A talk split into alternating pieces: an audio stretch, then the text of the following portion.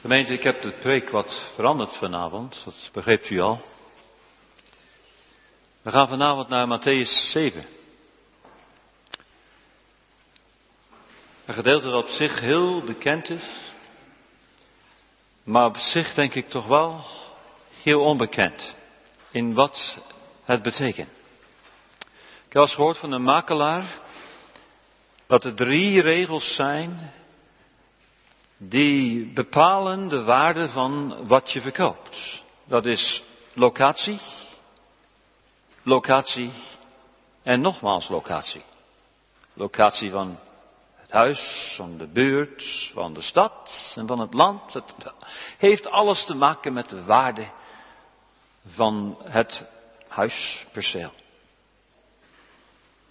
Nou, dat past wel een beetje met een dominee ook, want de tekst heeft ook alles te maken met locatie, locatie en locatie. Het hoofdstuk, het boek, de Bijbel. Dat zit allemaal in verband met elkaar. En dat is de uitdaging voor iedere prediker om het woord te bedienen in de getrouwheid van wat het primair betekent. Er zijn wel een aantal teksten die wij zomaar gebruiken in ons geestelijk leven, die wij hebben veranderd in betekenis. Ik zal je één of twee voorbeelden geven als een voorbereiding voor de tekst van vanavond. We spreken vaak de tekst, mijn wegen zijn niet uw wegen en mijn gedachten zijn niet uw gedachten. Als er in de godsvoorzienigheid iets heel anders gaat dan wij hadden gedacht, dan komt die tekst uit de bus. Ja, maar mijn gedachten, zegt de Heer, zijn niet uw gedachten. Nou, dat is een mooie tekst om ook in die locatie van die omstandigheden te gebruiken. Maar als je nou echt in dat hoofdstuk duikt van Jezaja 55, dan betekent die tekst helemaal niet. De Heer zegt, kijk, als jullie goddeloze mensen en jullie onrechtvaardige mensen van jullie goddeloze wegen terugkeren, hoe goddeloos je het ook gemaakt hebt, dan zal ik je menigvuldiglijk vergeven. En denk nou niet dat ik zoals jullie ben. Als jullie op je tentje stapt, hebben het heel moeilijk om te vergeven. Mijn gedachten en niet als jullie mensengedachten. Ik zal echt vergeven. Zie, dat is de primaire betekenis van die tekst. Ga maar nalezen in de Statenvertaling vanavond, dat ik precies zeg wat zij zeiden. Oog heeft niet gezien, een oor heeft niet gehoord en is nooit in de hart van mens opgeklommen wat God voor zijn volk heeft bereid. Waar denkt u dan aan als ik die tekst zeg? Juist zinners, denk over de hemel. Ga maar eens nakijken, 2 Korinthe 1 heeft niks met de hemel te maken. Mooi, goede betekenis, maar niet de hemel. Waar dan? Het over Jezus Christus nooit in een mens hart opgeklommen om mij voor te stellen dat God zijn zoon zou geven. Ja, dat betekent dat. Zo ook de tekst vanavond. Uit de bergreden. We hebben het laatste hoofdstuk van de bergreden gelezen. U heeft hem voor u. Dat is een preek dat zal ik jongens en meisjes een klaslokaal preek noemen. Je hebt verschillende preken. Vanochtend in Hoogveld heb ik een visnetpreek gepreekt. Een visnetpreek is een preek waarin God spreekt ook vooral om mensen te vangen in het net van het evangelie. Dat is een uitnodigend preek om, om mensen te bewegen als het ware om toch tot Jezus te komen. Dat is een visnetpreek. Is de bergrede een visnetpreek? Nee, de bergrede is een klaslokaalpreek. Daar heeft de Heer zijn leerlingen in de klas zitten. Die zijn al gevangen. Die zitten al in het net. En nou als het ware gaat hij zijn onderwijzen in wat het is om een discipel van hem te zijn. Ja, u ziet, de, de preek begint met een korte, machtige, mooie beschrijving van wie de burgers van het kingdom koninkrijk zijn. Ja, de zaligsprekingen, de zeven zaligsprekingen, beschrijft wie nou eigenlijk die burgers van dit nieuwe koninkrijk zijn dat de Heer Jezus aan het bouwen is. Al van het begin natuurlijk van de Bijbel, maar nu heel letterlijk in zijn eigen persoon is hij gekomen om dat verder door te bouwen. Daarna zegt hij iets over wat er gaat gebeuren als je zo'n kind van God bent. Als je een echt kind van God bent, zegt dan word je vervolgd. Daarom heeft Luther vier kenmerken van de kerk. En de vierde is vervolging. Hm, wat is er met de kerk in Nederland aan de hand? Daar merk je toch niet zoveel van vandaag. Eens over nadenken. Dan komt hij tot de taak van de kerk. Zo, je bent het zout en je bent het licht. Dan is er even een pauze als het ware, waarin de Heer Jezus ook heel duidelijk zegt, kijk, broeders, ik ben hier niet gekomen om de wet te verschrijven, om de wet te verplaatsen. Ik ben hier niet gekomen om een nieuwe wet te geven. Ik ben hier om de wet te vervullen. Als je nou mij ziet en mijn leven ziet, en hoe ik leef, dan zie je eigenlijk de hele wet tot het leven komen. Kijk, zo heb je God lief. En zo heb je je buurman lief. Dat is wat God ons voor geschapen heeft. Nou, dat is natuurlijk een heel algemene. Dan gaat de Heer Jezus verder. Nadat hij dit eerste gedeelte tot hoofdstuk 5, vers 20 heeft afgerond. En dan begint de rest van de preek. En laat ik nou dat eens even vergelijken tot het derde stukje van de Heidelbergse catechismus. De bergrede preek is een preek over heiligmaking. Het is een preek waarin de Heer tot zijn kinderen spreekt. Kinderen, als je nou mijn kind bent, mijn dienstknecht, dan gaan we zo leven. Dan gaan we het zo doen. Dan gaan we onze vijanden lief hebben. Hè? Dat hebben onze vaders nog gezegd. Nee, maar dat is wel in mijn koninkrijk. Je hebt je vijanden lief en je bidt voor hen die, die je nazitten. En kinderen, jullie moeten strijden om volmaakt te zijn als jullie vader. Dat is wel hoog, hè? Maar zo bedoelt de Heer Jezus. Dan moet je maar altijd maar blijven strijden. Nou, daar hebben we de bergreden heel, heel, heel kort. Heb ik het even samengevat. En dan komen we aan het eind van deze preek in hoofdstuk 7, waar wij dan vanavond gaan beginnen bij de toepassing. En die toepassing begint in vers 13. Gaan we maar lezen met elkaar. En 14. Ik lees die twee versen. Gaat in door de enge poort. Want wijd is de poort en breed is de weg die tot het verderf leidt. En velen zijn er die het door dezelfde ingaan. Want de poort is eng en de weg is nauw, die tot het leven leidt. En weinigen zijn er die dezelfde vinden. Van dat gedeelte vanavond van de toepassing wil ik met u overdenken.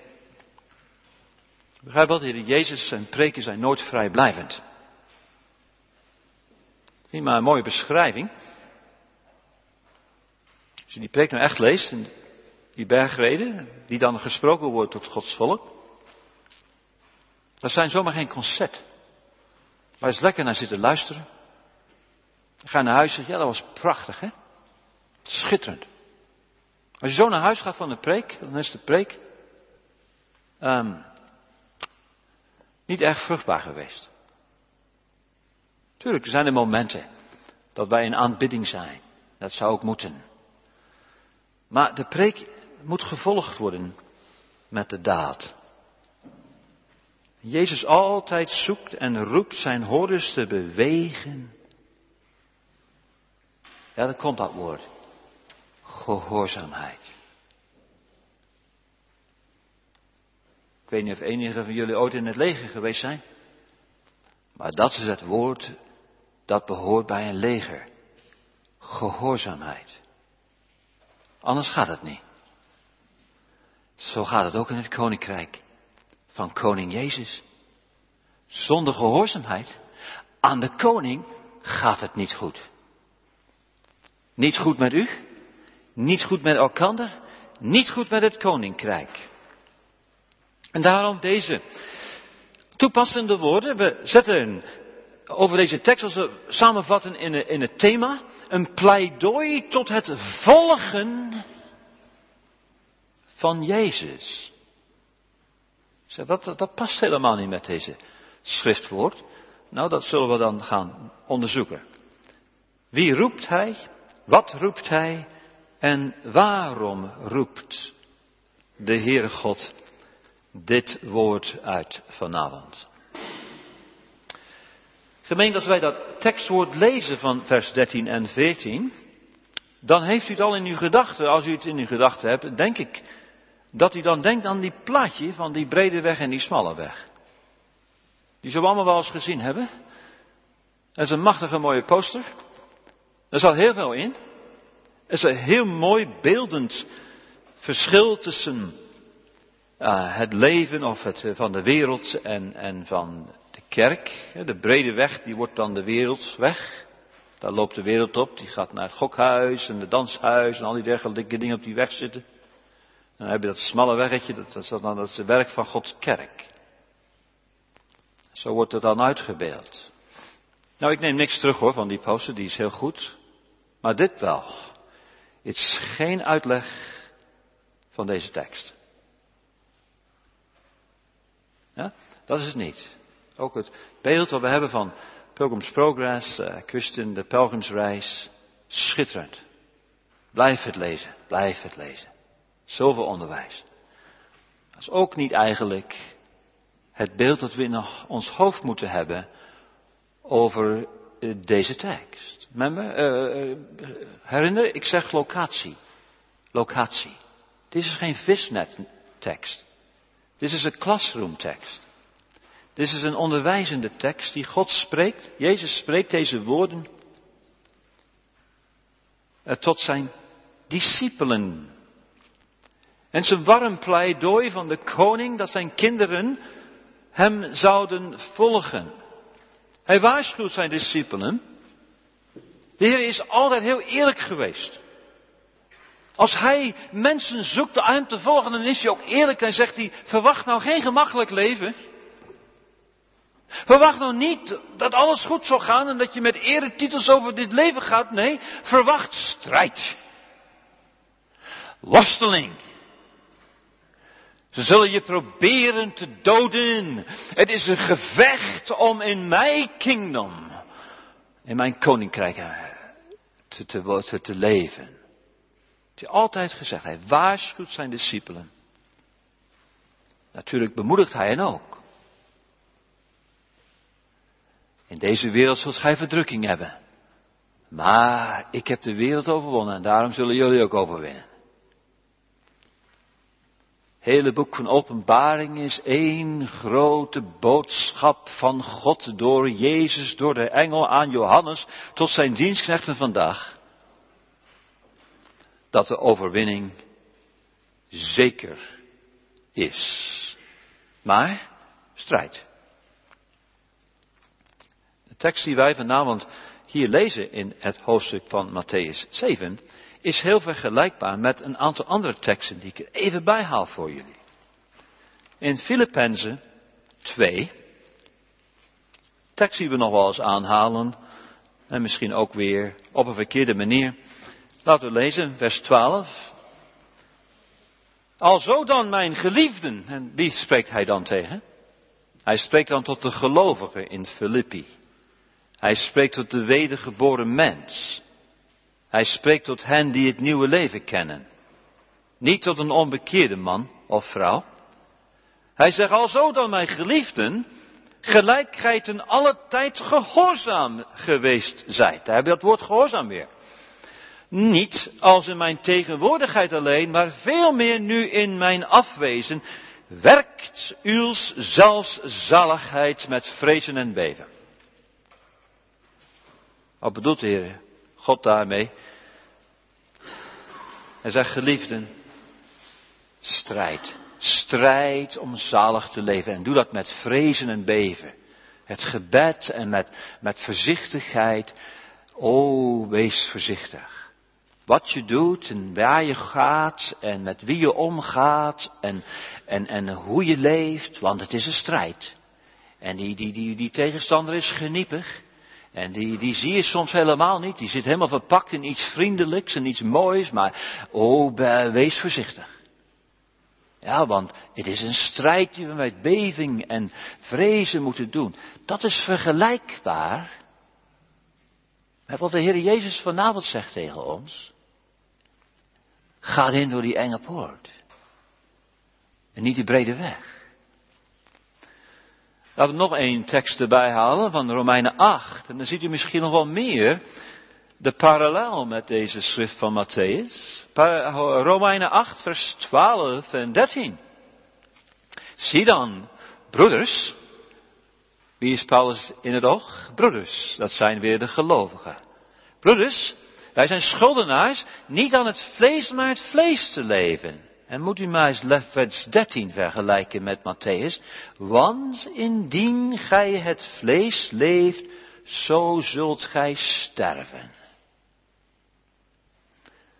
Brede weg zult gij verderven. Maar, indien gij door de geest de werkingen des lichaams doodt, zo zult gij leven. De smalle weg leidt tot het leven. Ziet u de parallel? In Romeinen, Romeinen 8 is een preek over de heiligmaking. Als ook meer, maar de heiligmaking zit erin. En Matthäus 7 is ook heiligmaking.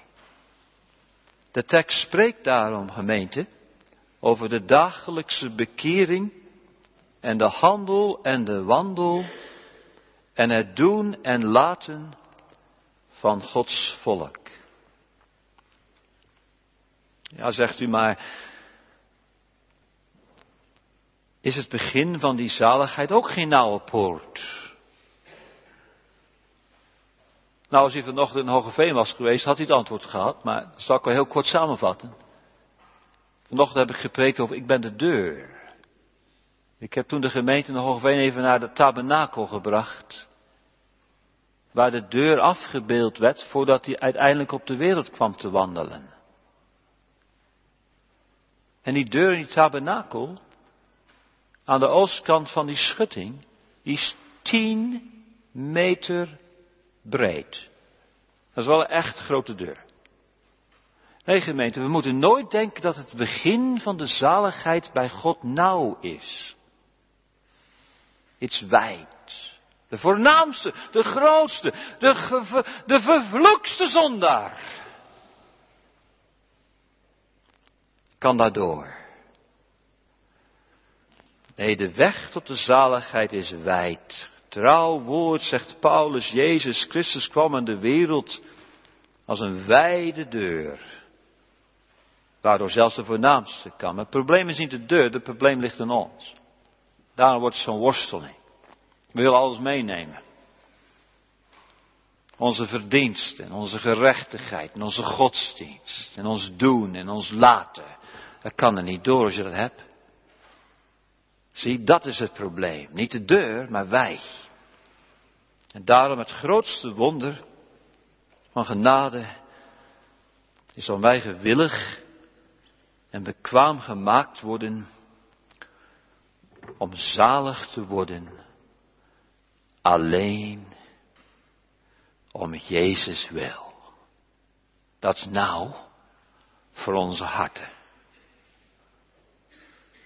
Ja, zo eventjes die twee teksten als het ware tegengesteld, zodat we zien dat deze tekst waar we het nou vanavond over hebben, niet hetzelfde is als het begin van de weg tot zaligheid, maar deze tekst heeft over de zaligheid. Zo laten we de tweede gedachte dan zien, wat roept hij dan? Hij zegt, ga in door de enge poort. Als u naar Lucas gaat, vindt u ook een soortgelijke tekst, maar dan heeft de Heer Jezus het woord gebruikt, strijd om in te gaan door die enge poort. En wist u dat het woord strijd hetzelfde woord is dat gebruikt wordt om Jezus te beschrijven als hij in Gethsemane ligt te strijden. Als hij die beker en het laatste gedeelte van die beker ziet. Dan strijdt hij.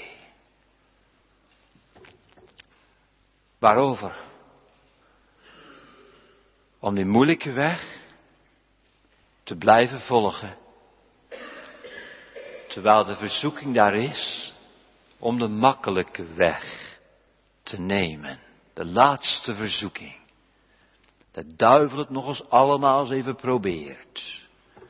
Wat hij in die wildernis niet kon krijgen, hij probeert het nog eens. En hij verschrikt Jezus als het ware met die beker van die lijden. En dan strijdt de zaligmaker. Wat bedoelt hij met die brede weg en die smalle weg? Wat bedoelt hij met die nauwe weg? Die enge poort. Het is beeldspraak, gemeente. Die brede poort is makkelijk. Gaan ook veel mensen door. Spreekt over een levensstijl. Brede weg is de weg van het vlees, Paulus zegt. Dat zit makkelijk, dat gaat gemakkelijk, dat gaat gewoon vanzelf. Hoef je niks te doen. Het zit gewoon in ons. De manier waarop we reageren, de manier waarop we denken, de manier waarop we spreken. Als iemand ons frustreert, als iemand ons onteert, als onze vijand ons zeer doet, dan weten we precies wat we gaan doen. Dat voelen we gewoon in. Het bruist van binnen. Dat is de brede weg. Dat is makkelijk. En velen doen dat ook, ook onder Gods kinderen. Dan gaan we gewoon met de stroom mee, als het ware, die nog uit ons hart komt. Een nauwe weg, waar Jezus het heeft, die is eng, dat betekent, die is nauw. En de weg is nauw. Dat is de weg van Gods zaligheid. Die is niet makkelijk. Het gaat tegen de stroom in. Daar voel je als het ware constant de tegenstand. Daarom is het ook vaak heel eenzaam. Er zijn er niet veel. Paulus liep in die, Paulus in die enge weg. Werd steeds eenzamer. Op laatst is er niemand meer. Ze hebben hem allemaal verlaten. Voelt u dat? Het werd een beetje te heet voor die anderen. Daar heeft de Heer Jezus het over in dit stukje van de Bijbel over het volgen van Jezus. In het leven als een koningskind. En uitbeelden van de koning. In het doen van wat zijn woord roept. De Heer Jezus heeft al eens meer gezegd in deze preek. Als dit nou een toepassend woord is, dan moet het ook wel slaan op het, het voorgaande van de preek. En moet u maar eens even terugkijken in hoofdstuk 5, vers 29 en 30. Dat is wel één bekend woord dat de Heer Jezus ook wel een andere context gebruikt. Maar laten we even lezen wat hij zegt en dan eens even letterlijk doordenken wat hij zegt. Indien dan uw rechteroog u ergert, trek het uit. En werp het van u. Want het is uw nut dat één uw leden vergaat en niet uw gehele lichaam in de hel geworpen worden. En indien uw rechterhand u ergert, houd ze af en werp ze van u, want het is uw nut dat één van uw leden vergaat en niet uw gehele lichaam in de hel geworden wordt. Nou, u begrijpt, het is een heel beeldsprakend iets, maar Jezus zegt dit, er zijn soms dingen, vrienden, die jullie moeten uit je leven halen, want die gaan je verwoesten. Rechteroog is wel heel bijzonder. Dan bedoelt hij daarmee iets dat is heel lief, heel speciaals, heel, heel mooi. Maar heel gevaarlijk. Dat deed, dat deed die, die David niet, weet u. Hij had het rechteroog op die Bathseba gelegd. Ging helemaal verkeerd. Toen had hij zijn rechteroog eruit moeten trekken. Maar dat deed hij niet. Hij ging de brede weg op. Voelt u het aan? Dat is de brede weg. Als we nou terugkijken in de preek van Jezus, dan zien we allerlei andere voorbeelden. Soms is het heel moeilijk om Jezus te volgen. Luister maar in hoofdstuk 10, vers 37 of 38. Heel moeilijk soms. Die vader of moeder lief heeft boven mij, die is mijns niet waardig. En die zoon of dochter lief heeft boven mij, die is mijns niet waardig. En die zijn kruis niet op zich neemt en mij navolgt, is mijns niet waardig. Lijkt me een hele moeilijke keuze. Nou, thuis kom morgen. Mijn vrouw zegt, joh, ik heb, ik heb alle godsdienst maar verlaten. Nou, als jij niet meekomt, als je niet meeloopt,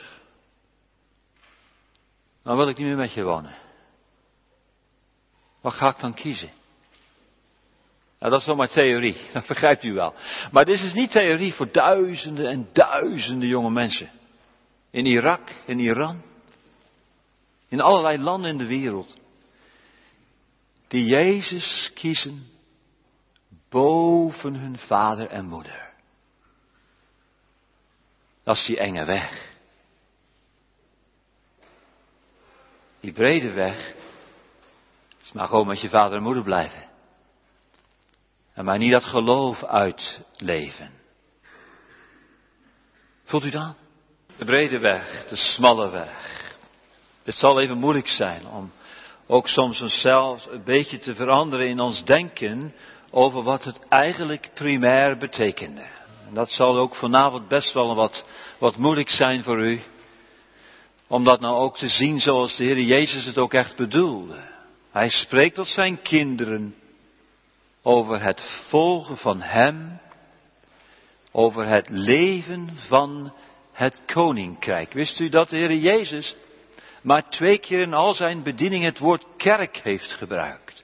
Maar 114 keer spreekt hij over het koninkrijk. Dat is breder dan de kerk. De kerk zou ik zeggen is de voedingsbodem. Maar dat, dat, is het, dat zijn kinderen God samen als een groep van, van, van het lichaam. Maar dat lichaam heeft een taak.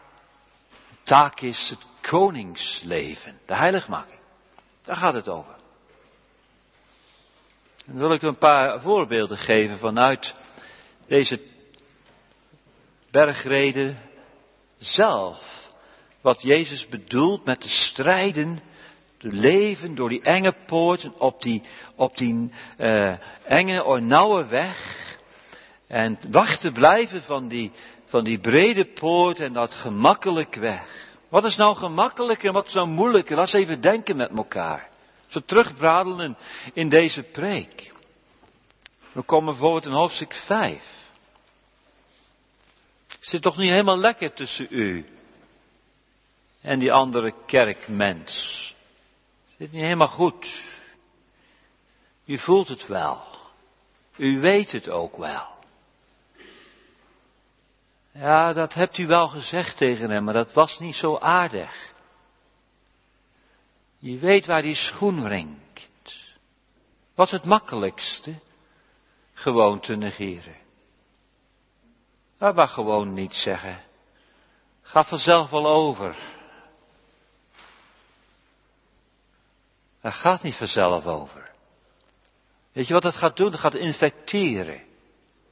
Het wordt erger. Die verwijdering wordt groter. Misschien wel wijder naar andere mensen. Het leidt tot verderf. Zeide Jezus ook. Die wijde weg, die makkelijk zit voor ons vlees, leidt tot verderf. Was nou zo moeilijk? Maar toe te gaan en zeggen, joh, ik moet jou wat beleiden. Ik heb dat toch niet goed gezegd toen. Ik vind dat, uh, ik heb daar pijn van. Jou pijn gedaan heb. En dan komt het moeilijkste.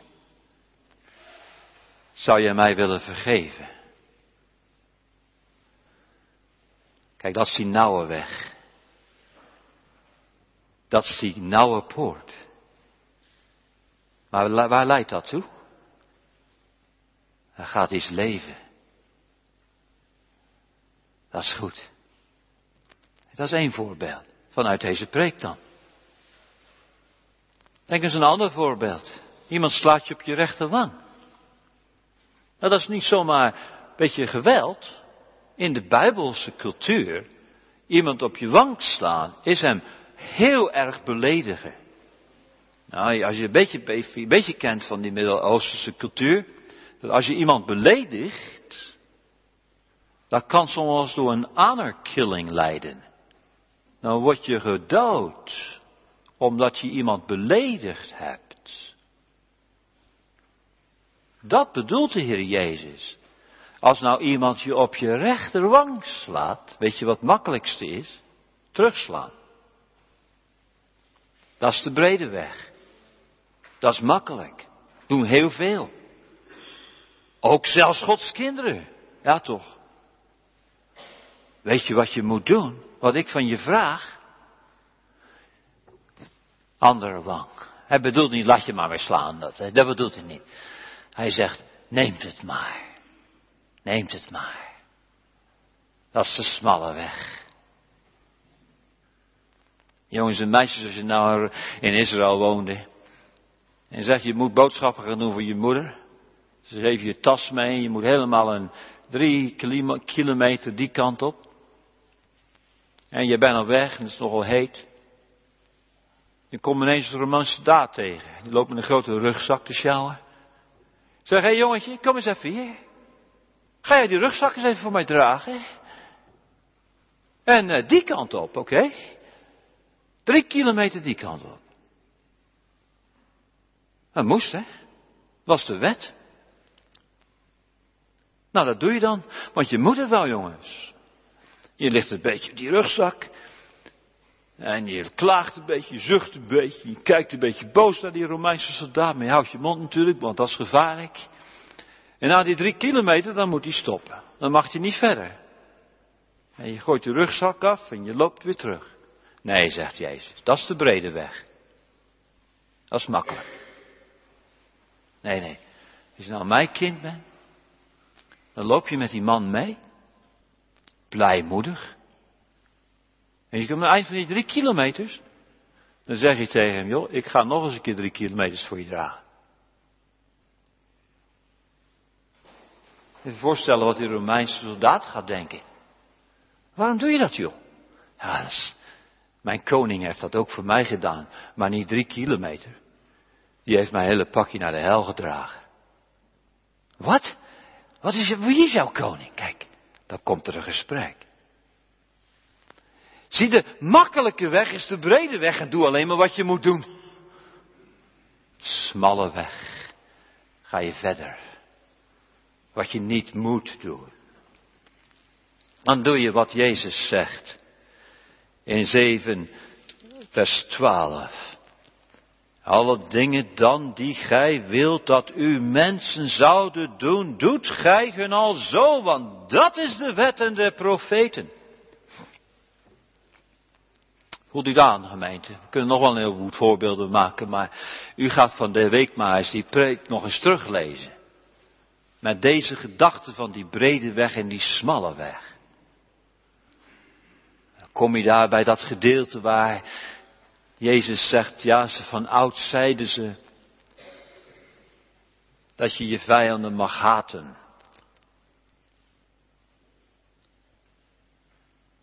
Hij zegt het zo. Gij hebt gehoord dat het gezegd, gij zult uw naaste lief hebben en uw vijand zult gij haten. Nou, dat is de brede weg. Dat is makkelijk. Tuurlijk, je vrienden die lief hebben, dat, dat gaat vanzelf. Maar je vijanden haten, dat gaat ook vanzelf. Dat zit in ons hart. Nee, zegt Jezus. Ik zeg u, hebt uw vijanden lief en zegent ze, die ze u vervloeken. Opdat gij moogt zijn kinderen van uw vader. Zie, daar heb je die preek, daar heb je dat weer. Dit is echt een preek aan Gods kinderen. Dat u mag zijn de kinderen uw vaders die in de hemelen zijt. Want hij doet zijn zon opgaan over de bozen en de goeden. Zo kunnen we de hele preek doorgaan. Daar hebben we nou geen tijd voor. Leven als een koningskind. is een nauwe poort. Het is een nauwe weg. In het Engels hebben ze een mooie uitdrukking. Salvation is costly. Discipleship, uh, sorry, salvation is free.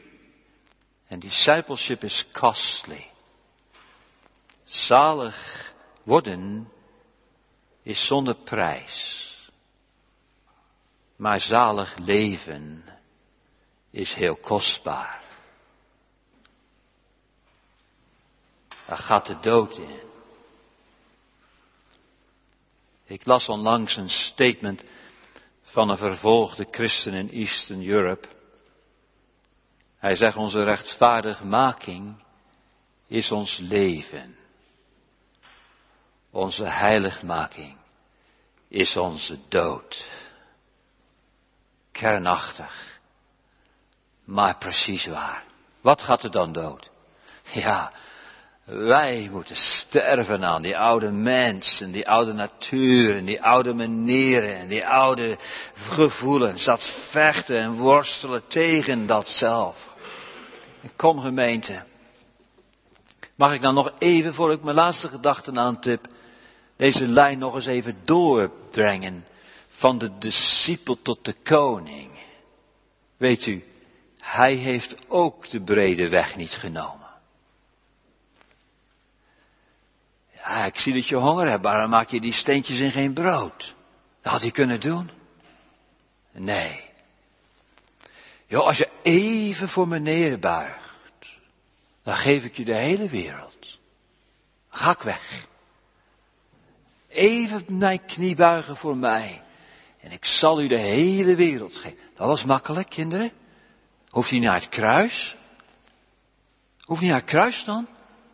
het kruis was de laatste strijd en de laatste slag. Duivel, stelt het voor dat we dat kruis maar vergeten. Even buigen, dat is de, dat is de brede weg. Nee, zegt Jezus, ga weg, gij Satan. Gij zult al niet de Heere gehoorzamen. Dat was de smalle weg. En waar leidt hij toe? Waar roept de Heer deze weg voor ons. Kijk, als de Heer Jezus die smalle weg van gehoorzaamheid tot zijn vader loopt, die eindigde in de dood voor hem.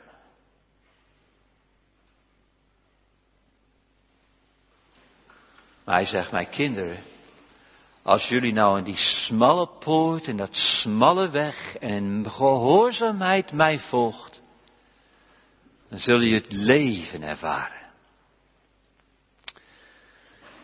Heer Jezus die weet waar deze brede weg op uitloopt, gemeente. Laten we nog eens even luisteren naar deze tekst. Gaat in door de enge poort, want wijd is de poort en breed is de weg die tot het verderf leidt. En niet dood. Mag ook. Op zich wel. Dat zegt ook die Paulus in Romeinen 8 wel. Hij gebruikt dan het woord dood. Maar hier is het verderf. Wat de Heer Jezus bedoelde, het maakt iets kapot. Het verderft iets moois. Het brengt een verderf in iets wat is heerlijks. Dat weten we allemaal. Het volgen van het vlees brengt sterven. Kinderen Gods, u weet het wel. Als wij dat vlees volgen, dan sterft er iets in dat geestelijk gemeenschapsleven. Dat gaat zo ook in het huwelijk, zal ik maar zeggen. Als ik op de brede weg van mijn eigen zelfzuchtige, trotse, ongedankbare manier leef met mijn vrouw, dan gaat er iets verderven in mijn huwelijk. Dan ga ik kapot. Daar komt kilheid en afstand. Er wordt, zij zeg ik gewoon heel duidelijk, van een vrouw een plank. Dat voel je gewoon. Verderf. Nou, als het nou in het menselijke huwelijk zo is, hoe zal het zijn in het geestelijk huwelijk? Hetzelfde. Als ik mijn vlees volg, als ik niet doe wat de koning roept en wat de koning aan mij heeft laten zien, als ik niet gehoorzaam ben aan zijn woord, dan komt er verderf Dan komt er afstand met God. Dan komt er meer en meer verderf in mijn wandel. Dan breekt dat die geestelijke nabijheid. En het verbreekt die gemeenschap, die vrede, die vreugde in het geestelijke leven. Dan wordt het donker, dan wordt het eng. En dat is natuurlijk ook waar voor de wereld. Natuurlijk, en dan even dat plaatje weer. Dat is ook zo waar, vrienden. Als je in die wereldse weg blijft wandelen, kom je ook op het verderf uit. Ja, dan kom je ook op de dood uit. De hele wereld is, die valt helemaal uit elkaar.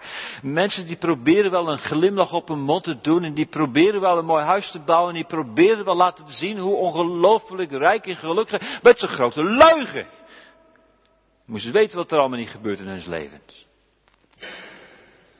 Ja, als we Jeffrey Epstein, uh, uh, half jaar geleden zagen en al zijn rijkdom, grote leugen.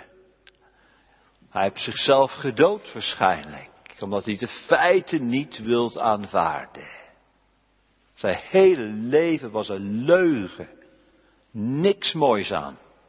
Kan niet, want dat zeeg weg van de zonde leidt tot het verderf. In de wereld, maar ook in Gods kerk.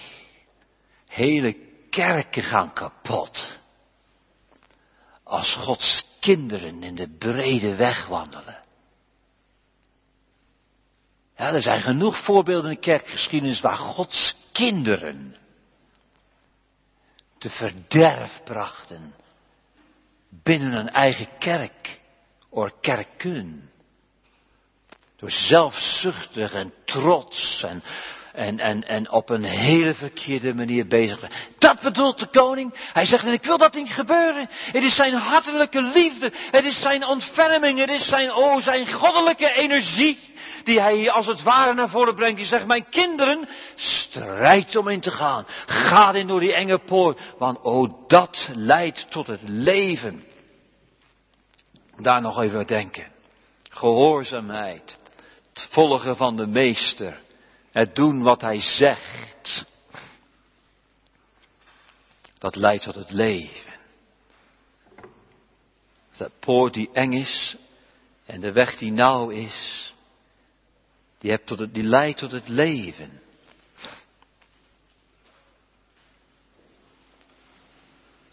Er is niets zoeter dan de kussen van Jezus te ervaren. Dat is leven. Dat is nou echt leven. Er is niets mooier, gemeente, dan te ervaren de vaderlijke nabijheid van die lieve God. Dan kan je zingen terwijl je in een gevangenis zit. Dat vind je alleen maar op de enge weg van gehoorzaamheid. De Heilige Geest is een heilige geest. Die kan niet en die wil niet zichzelf geven aan wat is onheilig. Dan gaat u niet weg van uw kind van God, nee. De Heilige Geest die woont altijd in u. Maar ga wel eens in de achterkamer zitten. Met de deur dicht. Dat je niet meer ziet en niet meer voelt niet meer ervaart. Waarom? Moet maar eens gaan vragen, loop ik misschien op de brede weg? Want de belofte is dat als wij op de enge weg lopen en wandelen, dat naar het leven leidt. Ik zie zo die drie jonge mannen staan voor koning Nebukadnezar. Hij staat maar te bulderen, die koning. En als jullie niet buigen, dan gaan jullie het vuur in. O koning, het maakt ons niet uit of het vuur in gaan of niet. Maar één ding doen we niet. Wij buigen niet voor jouw beeld. Wat God zal doen, dat is op tot God. Maar wij buigen niet. Kijk, dat jongens, dat was de enge poort. Denk je niet? En hij gooit ze in dat vuur. En wat gebeurt in dat vuur? Ze hebben nog nooit zoveel leven ervaren. Dan dat ze in het vuur zijn. Want wie kwam daar?